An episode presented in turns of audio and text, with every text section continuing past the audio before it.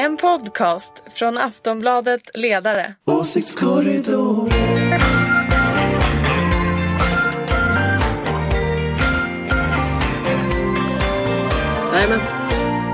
Okej. Hej och välkomna till Åsiktskorridoren. Det är den första juni idag, det är måndag och försommaren i Stockholm är just nu så vacker som man blir tårögd. Men så mycket mer att glädjas åt finns det faktiskt inte just nu. Eh, coronaviruset har oss fortfarande i sitt grepp. Det var inte en coronahostning hoppas jag, utan bara lite kaffe i halsen-hostning. Kaffe i halsen var det. Eh, coronan har, har oss i sitt grepp. Hittills så har den coronaviruset dödat 3 000, nej förlåt, 4 395 svenskar. 37 542 är konstaterat smittade. Eh, I morse meddelade Scania Södertälje att uppemot eh, 1000 personer kan, behöva, kan förlora sina jobb när de måste skära ner. Så solen ler över Sverige men molnen tornar milt sagt upp sig. Med oss idag för att prata svensk inrikespolitik har vi Ulrika Schenström. Hej hej! Hej hej! Hej, VD för gröna och liberala tankesmedjan Fores och Moderat. Yes. Och från eh, Aftonbladets ledarredaktion har vi Lotta Ilona Heinonen. Hallå! Hallå hallå! Och Anders Lindberg. Hallå, hallå. Hej, välkomna allihop. Jag heter Anna Andersson. Eh, ja, hörni, efter ungefär tre månaders politisk enighet runt den svenska och ska vi säga interna- internationellt kontroversiella eh, coronastrategin så har det nu börjat mullra lite grann. Eh, första skarpa skottet får man väl säga kom, kanske lite förvånande, från samarbetspartiet Centern eh, när Anders W Jonsson, som ju vickar som partiledare, eh, på DN Debatt i fredags skrev att nu måste Sverige lägga om strategin. Han krävde bland annat att vi, skulle ha, vi ska testa mycket mer, vi återkommer till det här med testningen. Eh, vi måste ha en mer aktiv smittspårning och ökade möjligheter till regionala insatser. Eh, vad tror ni, kommer det komma liksom en officiell omläggning av den svenska coronastrategin nu? Anders, vad tror du? Oj. Eh, nej, det tror jag inte. Men jag tror man kommer att, att korrigera delar av strategin. Eh, och, och det har man ju faktiskt gjort hela tiden. Om man ska vara lite petig så är det faktiskt så att man, man har ju ändrat eh, så att säga, eh, först skärpte man ju till en nivå som man tyckte var lämplig. Men sen har man ju diskuterat till exempel äldreboenden har det ju varit ganska mycket röra kring när Arbetsmiljöverket har lagt sig i eh, eller, eller arbetsgivarorganisationen SKR egentligen la sig i arbetsmark- ar- Arbetsmiljöverkets prövning av det här med munskydd till Men det exempel. har väl inte riktigt med strategin att göra? Alltså det är en del av strategin. Strategin var ju att skydda de äldre eh, och plana ut kurvan. Och plana ut kurvan, det verkar man ju ha lyckats med i den meningen att kurvan inte går uppåt. Sjukvården har klarat liksom sin, sin eh, eh belastningen på IVA. Men man har inte skyddat de äldre. Det är en fullkomlig katastrof om vi tittar på, på, på läget. Och där har ju det här med munskydden till exempel en, en viktig roll. Så, att, så att jag tror ju att det, alltså, och det här har man ju justerat efterhand fram och tillbaka. Liksom. Så att jag, jag skulle inte säga att jag tror man kommer att se någon stor förändring, men man kommer nog, det här med smittspårning kanske kommer igång lite grann. Testningen verkar ju faktiskt komma, ha lossnat i alla fall politiskt. Eh, och sådär. Så att, man utvecklar nog strategin snarare. Vad, än vad lägger tror om du den. Ulrika? Håller du med Anders eller? Ja, alltså jag tror inte vi kommer att ändra strategi på, på det stora hela. Eh, men, men jag tror inte det här med, med smittspårning från början. Jo, smittspårning i, i, i eh, den bemärkelsen att man kollar vem som har träffat vem och sådär. Men jag tror inte vi har haft, har det, har det funnits i planen från Folkhälsomyndigheten från början? Nej, det tror inte jag. Och det är därför jag tror detta fullkomliga eh, mischmasch och förvecklingar har varit under den senaste tiden. För vem är det man ska följa? Är det en politisk rekommendation eller är det Folkhälsomyndighetens rekommendation? Så jag tror att det kan ha förvirrat väldigt och alla verkar, eh, alla verkar faktiskt eh, anklaga alla andra. Eh, Ja, men det är väl det här. också som många har varit kritiska, att regeringen har skjutit myndigheten framför sig och inte riktigt velat ta ansvar för en, en, eh, en uttalad strategi. Nej, men Eller? om man är regering så kanske man inte vågar ta ett beslut om en massa saker utan att ta med sig sin myndighet. Det är, det är lite så vi i Sverige jobbar. Så att jag, jag vet inte, jag kan inte svara på det. det. Men det verkar i alla fall något lite skumt i att alla skyller på alla hela tiden i ett sånt här läge då vi borde och alla borde vilja att ta det lite lugnt och, och in, in, liksom, ta det lite lugnt och inta liksom någon slags eh, seriositet och ansvar. Vad tror du Lotta? Eh, kommer, man, kommer det bli mer liksom, politisk oenighet runt själva strategin nu? Eller tror du att man kommer inordna sig?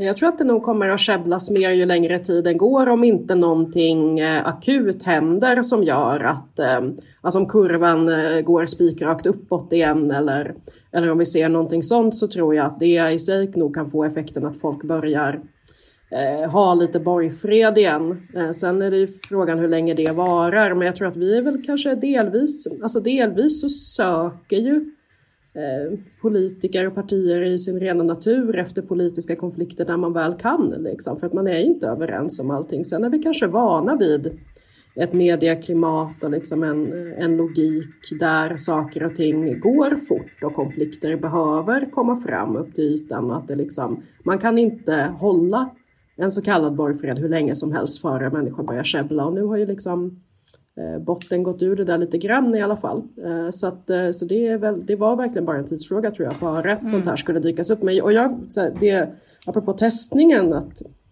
för det verkar ju ha seglat upp som, som kristalliseringspunkten för, för kritiken mot, mot strategin. Och det är klart att det är bra att mer testas men jag måste säga att jag är ganska skeptisk till att testning i sig skulle vara någon sorts mirakelmedel och det, det, det vi behöver för att, för att lösa situationen vi är i. Ulf Kristersson säger att det här är eh, eh, eh alltså ett sätt för att liksom eh, kickstarta eller nystarta ekonomin igen och att det är därför testningen är så viktig. Och det där tror jag är Ja, det, det, alltså det, det är ju en ganska falsk förhoppning för att uttrycka sig milt. Att så här, det är ju inte för att folk eh, tror att de är sjuka som ekonomin har gått i sank. Liksom, utan det är ju hela situationen vi befinner oss i. Så jag tycker att det går lite troll i det där också. Varför mm. vill man testa? Liksom? Det måste man ju ha klart för ja, vi, vi, ska bena lite grann i testen. Jag vill bara tillbaka till Anders W Jonssons artikel i DN. För jag tyckte det var intressant. Det var att till exempel socialminister Lena Hallengren twittrade ut och sa här fanns intressanta förslag. Är inte det lite, lite defensivt av ansvarig minister att twittra så, Ulrika? Nej men är det inte så att i alla kriser vi har sett, oavsett om det var finanskrisen 2008 eller om det var tsunamikriser eller Estonia-kriser, så tenderar ju den som sitter i regeringsställning att uh, försöka vara så regeringsduglig i krisen som möjligt och oppositionen är opposition. Uh, nu har, nu, jag tycker ju att jag tycker mig ha sett att den här borgfreden den släpptes för länge sedan. Så mycket av det här är ju också lite av ett skådespel i regeringsduglighet och opponerande från oppositionen som ett spel så att säga. Och i den bemärkelsen så kanske Centerpartiet ville visa att de både var januariavtal och opposition som de ju hela tiden har sagt mm. att de vill vara. Men det intressanta med det där, det riktigt intressanta, det är ju att Moderaterna har ju försökt formulera en oppositionspolitik under hela perioden. Framförallt på, på eh, Ulf Kristerssons eh, eh, Instagram. Eh, och, och, och, det har man då ägnat sig åt i två månader. Och sen så kliver Centern in med en artikel och blir det ledande oppositionspartiet. Och det säger ju någonting om kvaliteten hos liksom Moderaterna och Kristdemokraterna och det här vevandet som de har hållit på med. Jag tror att väldigt många uppfattar dem som gnälliga. Eh, och, och spretiga. Alltså först så skyllde Ebba Busch Thor på, vad var det, svensk-somalier var det va? Som, som, som var liksom hennes instinkt från början. Hon ville lyfta frågan, ja. Ja precis, ja, precis. hon ville lyfta frågan. Ja. ja nej, sen, sen skulle hon skylla på Socialdemokraterna. Aha, okay. eh, och sen har ju, och Kristersson har ju hållit på med alla möjliga utspel hit och dit. Jag tror folk tycker att det där är gnälligt, att det inte tillför någonting. Och nu tjatar ju Kristersson om den här Coronakommissionen som liksom är den senaste sån grejen. Han verkligen, ja han ska ju sätta dit S då, det är ju poängen. Och sen kliver Centerpartiet in och så visar de på något sätt att de faktiskt har ett konkret förslag. Och jag tror att Lena Hallengren tänker så här, bättre fly än illa fäkta. Och så gömmer hon sig bakom C så att hon inte får en konflikt med C. För det är ändå det egna regeringsunderlaget. Eh, men läser man hans artikel så är kritiken ganska hård mot regeringen. Eh, alltså det är en annan linje som, som, som han då delvis pekar ut. Mm. Ulrika viftade. Nej, jag, jag, skulle bara lägga till det och sen har vi ju ett parti som det är helt tyst kring. Eller inte helt. Eh, Jimmy Åkesson var ute för ett tag sedan, i förrgår eller någonting sånt där. Men som jag tror sitter och samlar kraft för när någon slags kommission har tillsatts, när man börjar se konturerna av det här, då man kommer Av utfallet, tänker ja, du? Ja, exakt. Mm. Millions of people have lost weight with personalized plans from Noom, like Evan, who can't stand salads and still lost 50 pounds. Salads, generally, for most people, are the easy button, right? For me, that wasn't an option. I never really was a salad guy. That's just not who I am. But Noom worked for me. Get your personalized plan today at Noom.com. Real Noom user compensated to provide their story. In four weeks, the typical Noom user can expect to lose one to two pounds per week. Individual results may vary.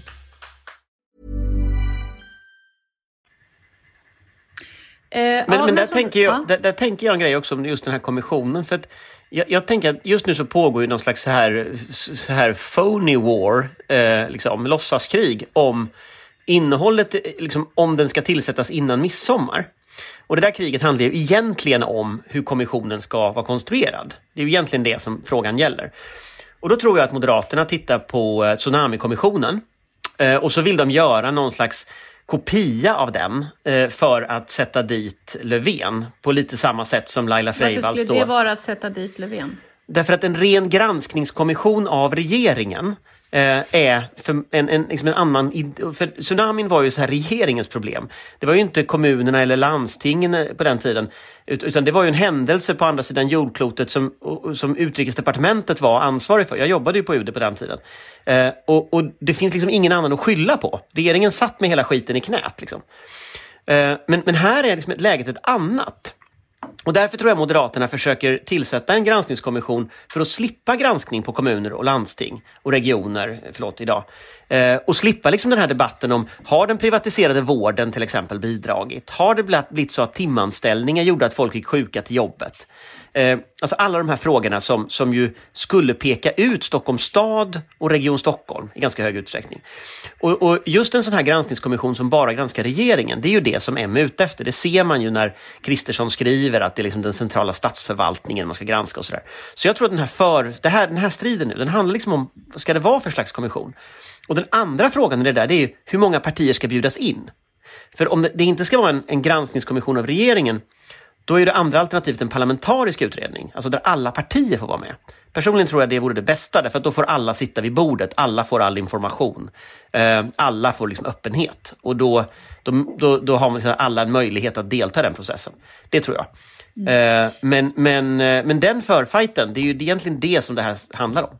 Det är där vi menar du. Okej, Ulrika vill komma in här. Ja, och jag, och jag är lite tveksam till det här med kommission redan från början, även om jag kan förstå att man kan tillsätta en som tar in underlaget kontinuerligt efter vad som händer. Men tänk, tänk er hur det skulle kunna bli för man tillsätter en kommission som sen blir någon slags beredningsinstans varje gång någon ska göra någonting.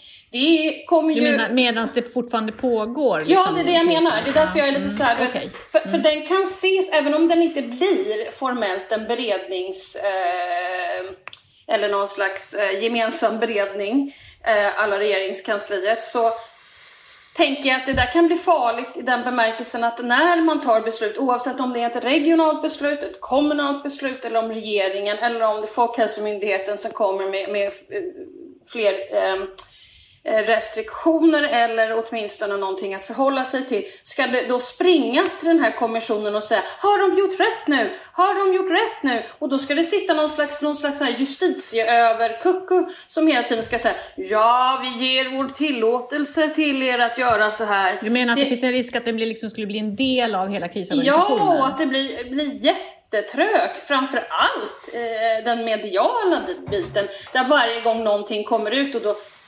kommissionen är kritisk. Ja, kommer folk följa de, ehm, eh, de restriktioner eller, eller för, ja, de regler i alla fall som, som ja, sätts upp? Det är det här jag är lite, jag är lite orolig Mm, för att okej, den används Lotta. fel.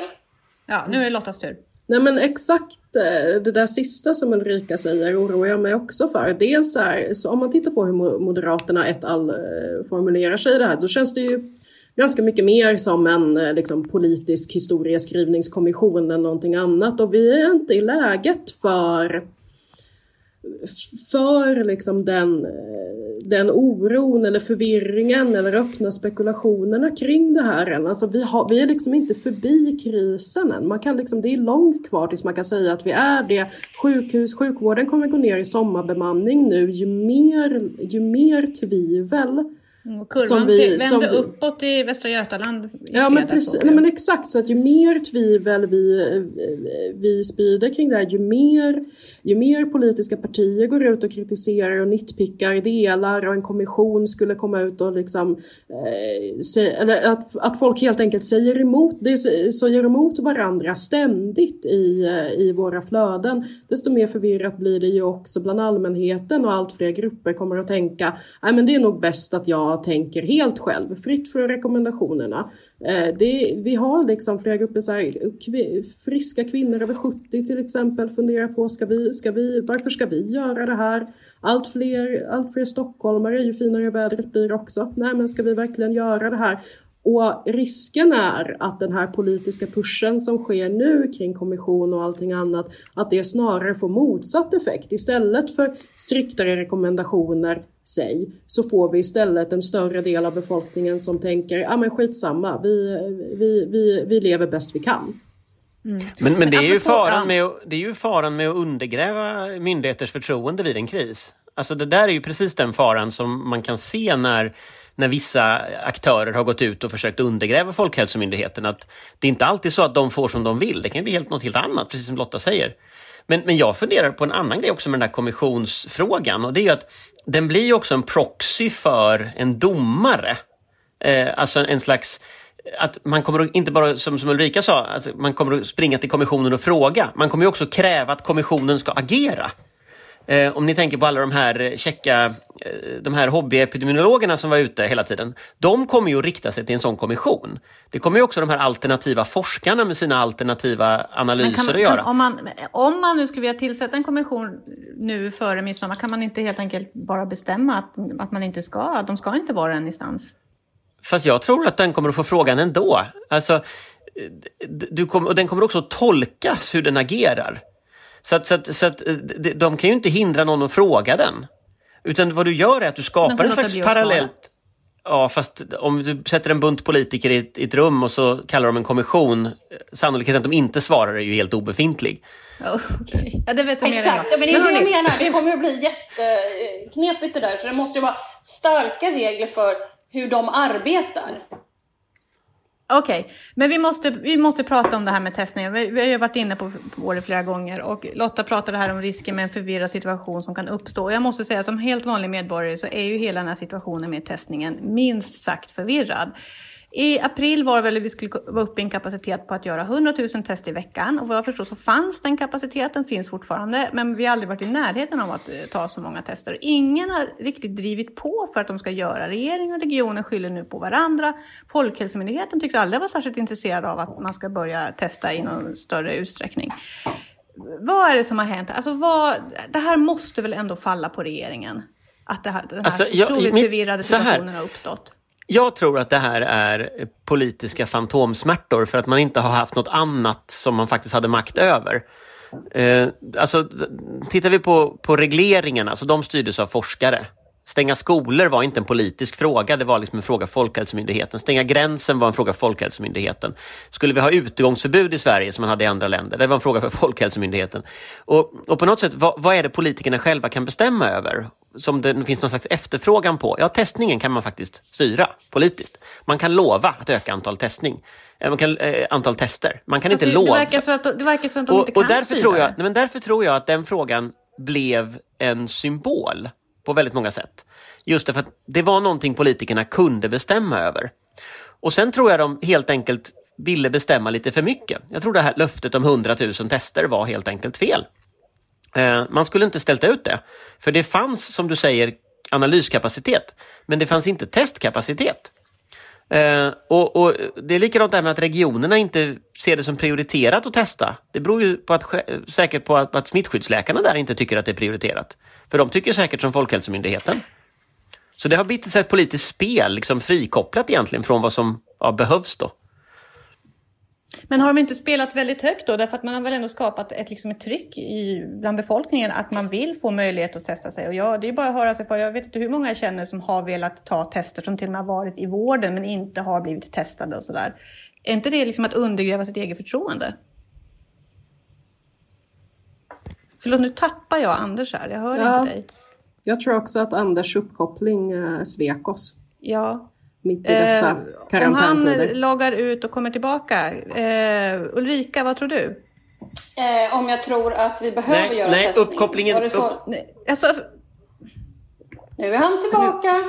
Som med gubben i lådan. ja,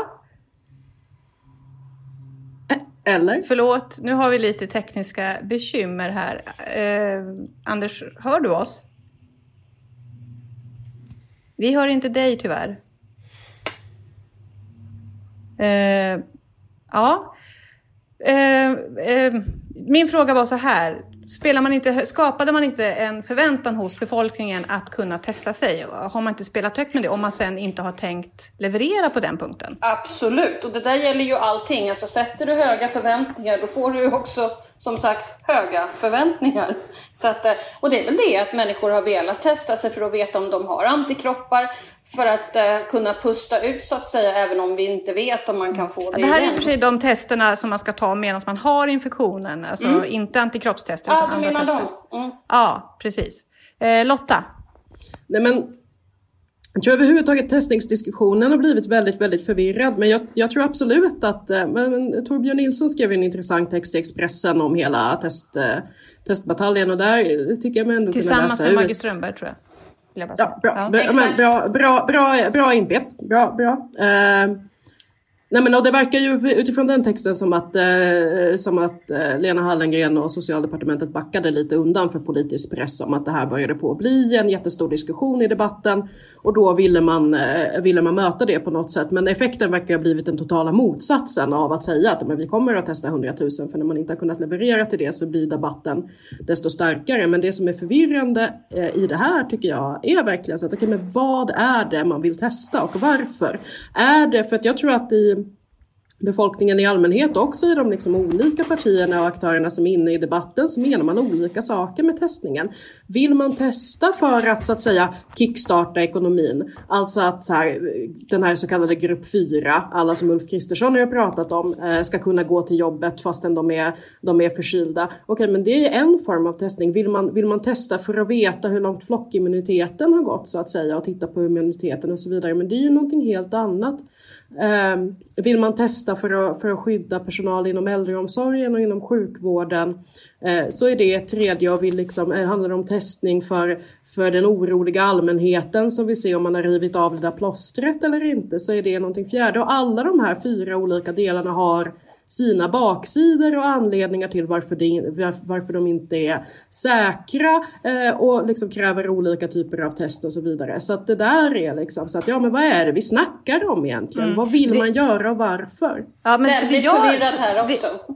Ja, men för det jag funderar lite grann på det är liksom, man ser hela den här liksom bakgrunden med, eh, med testningen, de här alla olika instanser som är inblandade och man undrar vem som egentligen tar ansvar. Så jag läste Dagens Nyheter idag som har en intressant artikel om eh, vem som har ansvar egentligen för läkemedelsförsörjningen i det här landet och hur, hur, hur trögt det gick i Sverige att få igång en samordnat inköp av eh, viktiga läkemedel helt enkelt. Och då undrar man ju så här, är det något fel i vår förvaltningsmodell? Är det någon som ens kan ta ansvaret för det här? Nu har vi Anders Lindberg tillbaka. Ja, här är jag. Eh, Ja. Vi bytte abonnemang på jobbet så att därför funkar inte mitt abonnemang.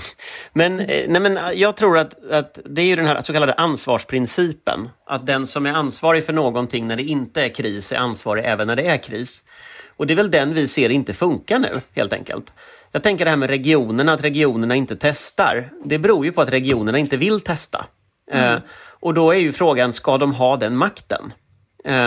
Ska det verkligen vara så att regionen är ansvarig för sjukvård i Sverige? Eh, om de nu inte testar så är ju det tveksamt eh, i en sån här kris.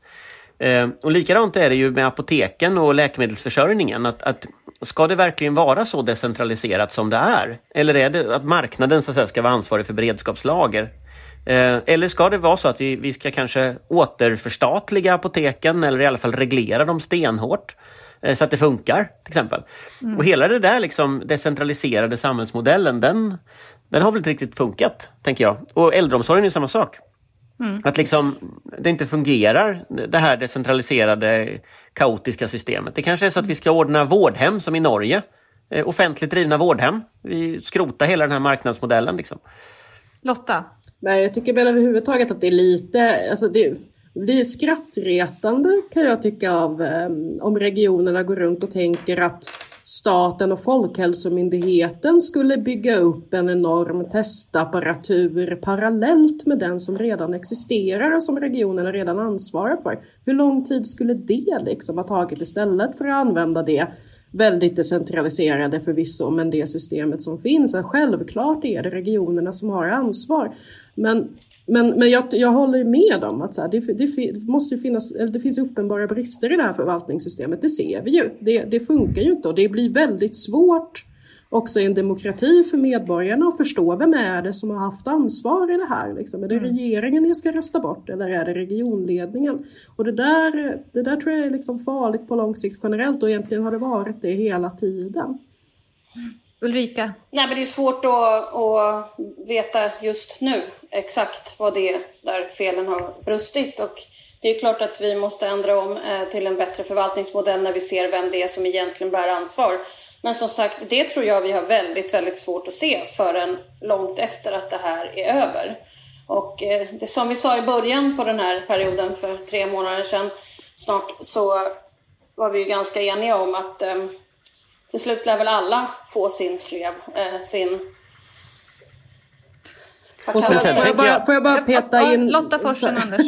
måste peta in en grej. Alltså, sen liksom SKR, Sveriges kommuner och regioner, är ju också så här notoriskt kända för att inte vilja att staten ber dem att göra någonting. Och nu säger de ändå att det liksom, allting är statens fel fast man har liksom försökt att kommunicera. Så att, och, och den här förvaltningsmodellstriden som, som antagligen kommer att komma, eller som jag hoppas kommer att komma eftersom vi behöver den när allt det här är över, den kommer ju bli liksom en politisk karusell som det blir åka av. För att så här, regionerna och, och socialdepartementet har en ganska lång historia av att inte vara överens med varandra eh, om ett dugg. Eh, så, att, eh, så vi får se. Det blir spännande. Anders, nej, men, eh, nej, men jag, Ja, men jag tänkte bara just den här, lite samma spår. Eh, alltså, tittar man på den, den reformen som ligger till grunden för att det här inte funkar i äldreomsorgen, så är det ju så kallade ädelreformen som var i början av 90-talet, när man kommunaliserade hela äldreomsorgen. Eh, det funkar ju inte. Så det kanske är så att vi ska tillbaka till en modell som är mycket mer medicinskt eh, strukturerad och då är det i sådana fall regionerna som, som det landar på. Då är inte det en kommunal uppgift. Och, och, jag tycker ju en av erfarenheterna hittills som faktiskt finns där, tycker jag, det, det, är ju att regionerna klarar inte av att ta det ansvaret de har. Kommunerna har inte klarat av att ta det ansvaret de har och staten kan inte riktigt ta det ansvaret. Och då blir ju liksom den här frågan som var uppe i försvarsberedningarna i början av 2000-talet där, eh, den blir ju skarp. Ska vi ha en central funktion för krishantering i Sverige som pekar med hela handen? Eh, alltså i förlängningen någon slags civil motsvarighet till höjd beredskap. Eh, där en myndighet kan aktiveras och man har befogenheter att säga åt en kommun, gör si och så. Det fanns ju sådana tecken när smittskyddslagen ändrades till den här eh, bemyndigandelagen. Men, ja. Så, så att jag menar, det kanske är den riktningen vi går åt. Ja, Undantagstillstånd.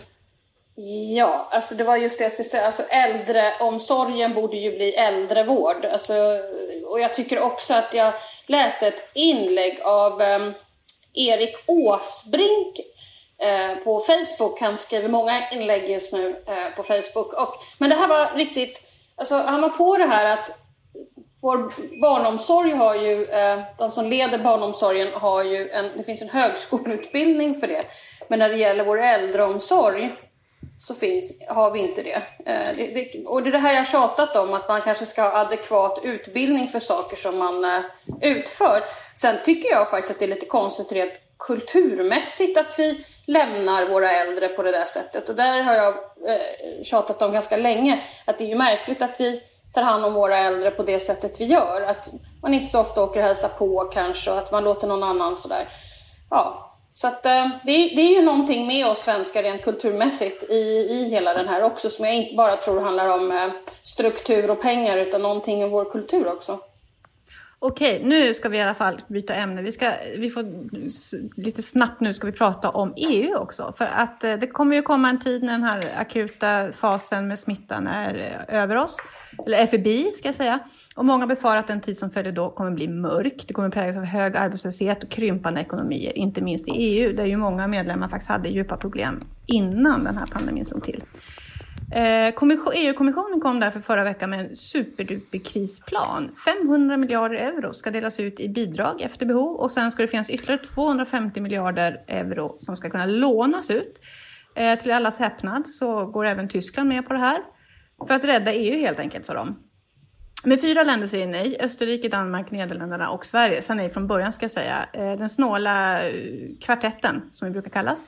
Österrike och Danmark har redan signalerat att man nog ändå kan förhandla om saker, men Sverige och Nederländerna står fast. Och det gäller över hela den politiska linjen i Sverige. Eh, varför är det så här? Varför går inte vi med på det här? Ja, det är för ynkligt måste jag säga. Alltså, jag tycker det här är gräsligt, eh, att vi sätter oss i det här läget. Eh, jag tycker vi ska ta rygg på Tyskland.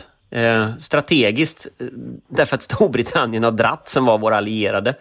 Men, men sen också rent i sak så, så om inte Sydeuropa kommer igång ekonomiskt, vem ska vi exportera till? Alltså jag, jag, begriper inte hur riksdagen resonerar i det här fallet faktiskt. Eh, vi är liksom helt beroende av att EUs inre marknad fungerar, att det finns en efterfrågan runt om i unionen.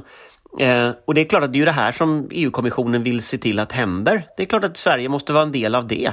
Och, och det är också så att vi nu hamnar liksom vi hamnar på något sätt utanför mittfåran i europeisk politik eh, på det här sättet. För det är klart att de som klarar den här krisen tillsammans, det är ju de länderna som också kommer hitta en massa andra samarbetspunkter. Så att liksom strategiskt tycker jag det är jättedumt, men också i sak så förstår jag inte riktigt hur man resonerar från riksdagen. Ulrika. Och att alla är överens blir ju jättekonstigt. Det verkar, alltså, det verkar verkligen som inte vi förstår att Storbritannien är borta. Det verkar ju liksom helt bisarrt. Jag är helt med på den här linjen att vi borde ta rygg på dem. Eh, och att vi måste hitta några andra att leka med som har muskler. Annars kommer vi ju dribblas bort totalt. Men det är ju jättestora pengar, det får man ändå säga. Lotta, vad tänker du om det här? EU är ju rikt till att börja med egentligen, men, men, men den här rikedomen är ojämlikt för, fördelad. Jag funderar på, kommer vi ha ett EU kvar efter det här om det inte tas i rejält. Alltså man kan liksom inte bygga en stark union på att eh, vi är kompisar och allt är frid och fröjd i goda tider och den inre marknaden blomstrar och tillväxten är eh, liksom rekordstor. Utan det krävs ju solidaritet för att, för att den här unionen ska hålla även i tuffa tider.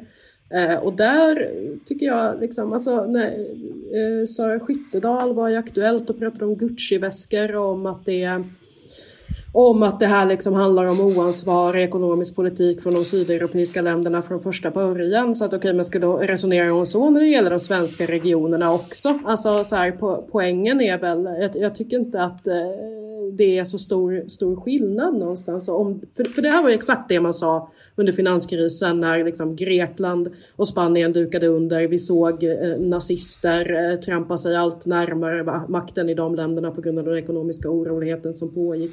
Alltså EU får väl inrätta något system för att eh, ställa korrupta ministrar och eh, liksom regeringar som har fifflat med ekonomin under rätt, eh, eh, liksom ställa dem för rätta då. Eh, för, för sådana misstag. Men det är hela befolkningar vi pratar om. Man kan alltså, liksom inte ha ett man sånt kan Ni tre verkar ju helt överens om att, att eh, Sverige satsar på fel häst här, eller man ska uttrycka det. Ändå så är det liksom alla åtta riksdagspartier, det är ingen som tar, inte ens Liberalerna kliver fram. Vad är det som har hänt? Varför är man så vansinnigt eh, defensiv? Anders, vad tror du? Nej, men jag tror att det, det, det är en så här smärtor efter alla folkomröstningar och alla konflikter om EU-politiken som finns. Och där, där, tror jag man tror att svenska folket är snålare och mer EU-skeptiskt än vad man egentligen är. Jag tror man läser kartan fel. Jag tror att, jag tror att på samma sätt som när, när det kom så här brandflyg för två somrar sedan eh, från Italien och, och det kom eh, brandkårer från, från Polen när vi behövde hjälp så är det ju så att vi behöver ju hjälpa andra när de behöver hjälp. Och det tror jag svenska folket förstår. Sen tror jag ju nästa steg i det här, det är ju att vi ska ju bygga på den här, den här fonden är ju ett steg, men sen måste vi bygga upp någon slags krishanteringsförmåga i Europa. Eh, vi kan ju inte ha ett läge där liksom gränsbommarna går upp det första som händer när vi får en internationell kris. Utan det måste ju finnas någon slags gemensamt system för att hantera nästa pandemi och klimatförändringar och alla andra kriser som kommer. Vi ska också bara säga Det kostar då, också i, pengar. I, för sig, I det här förslaget så ligger ju också en viss beskattningsrätt liksom, gemensam för EU. Är, men är inte det någonting att ändå dra öronen åt sig? Lotta nickar. Ja, men det, är väl det, det är väl de delarna som man är livrädd för, att det ska liksom ske, en, eh, ske, en, ske en maktförflyttning till Bryssel som faktiskt någonstans ändrar fundamenten för hela samarbetet. Och där, alltså så här, om inte annat, man måste ju vara villig att, villig att förhandla om de delarna och inse att ja, det kanske är det det får kosta då, för vad, vad är alternativet? Alternativet är att Kina går in med sina enorma ekonomiska muskler i de här länderna det handlar om. Och de kommer nog inte begära en krona tillbaka, däremot politiskt inflytande. Alltså, vi måste ju någonstans se verkligheten för vad den är. Och, Ulrika? och, och vi måste ha eh, kompisar med muskler. Vi kan inte sitta med det där själva, utan vi måste ju bestämma oss. Mm. Hur tror ni det kommer bli då? Alltså, kommer vi gå med på det här till slut? Jag tror vi kommer att tvingas backa. Eh, alltså när, när Tyskland och Frankrike är överens, då brukar det bli så i EU. Och det är också därför vi ska ju ta rygg på Frankrike och Tyskland så att vi får vara med och diskutera när liksom viktiga frågor avgörs. För det påverkar ju oss oavsett. Men, men om vi tittar på liksom den förändring som har varit under våren. Så, så från att det ändå var ett no, no, nordiskt block, eller ett nor, norrblock, som ändå Tyskland var en del av, till att vi sitter här kvar med Nederländerna. Eh, så eh, det, det krävs ju liksom ingen... Alltså det, det är ju lätt att se vart det här barkar. Sen det här med beskattningsrätten, ja, det är ett problem. Och det kommer att bli ett problem i framtiden. Men jag tror liksom att det här är en förändring eh, som Storbritannien... De hade lagt in sitt veto mot detta, tveklöst. Det strider helt mot Storbritanniens bild av vad, vad EU ska vara. Men de är borta och nu sitter vi här. Så att liksom, vi kommer att tvingas anpassa oss efter saker som vi inte hade anpassat oss efter om Storbritannien varit kvar. Så enkelt är det. Lotta? Men jag tror att det finns någonstans tre delar för det, eh, för, som Sverige behöver ta fasta på, på i sin roll i EU i framtiden. Och det är ju dels nu ta rygg på Tyskland, vara var villiga att förhandla men sen bygga upp, bygga upp ett mycket starkare nordiskt samarbete inom den Europeiska unionen för att liksom ha en röst där. Och det ser vi också i coronakrisen nu att det blir vad ska man säga, sämre stämning även med våra grannar i och med strategidiskussionerna och så vidare. Eh, och det Ja, vi får där... inte ens komma dit längre. Nej, nej men exakt. Och, och det, där, det, det där är liksom ett hot mot framtiden generellt för oss. Liksom, för vi har liknande välfärdsmodeller. Vi har liknande intressen. Vi står liksom alla bakom de sociala pelarfrågorna i EU till exempel och begriper saker och ting som arbetsrätt och välfärd eh, på ett sätt som, som våra europeiska samarbetspartners inte gör på samma sätt. Och, och vi kan liksom, det blir mycket svårare för oss, och för, för alla våra nordiska länder och fjärma oss från liksom, de, de, de baksidorna av EU om vi inte står starkare ihop. Det får faktiskt bli sista ordet. Vi säger tack och hej. Vi ber om ursäkt för det tekniska problemet mitt i här. Vi hoppas att ni kunde hänga med i alla fall. Gå ut och njut av sommaren, men gör det på avstånd från varandra så hörs vi nästa vecka. Tack Ulrika Schenström, Anders Lindberg, Lotte, Leona Heinonen. Vi hörs nästa vecka. Hej hej! Hej då! Hej, hej, hej. Hej då!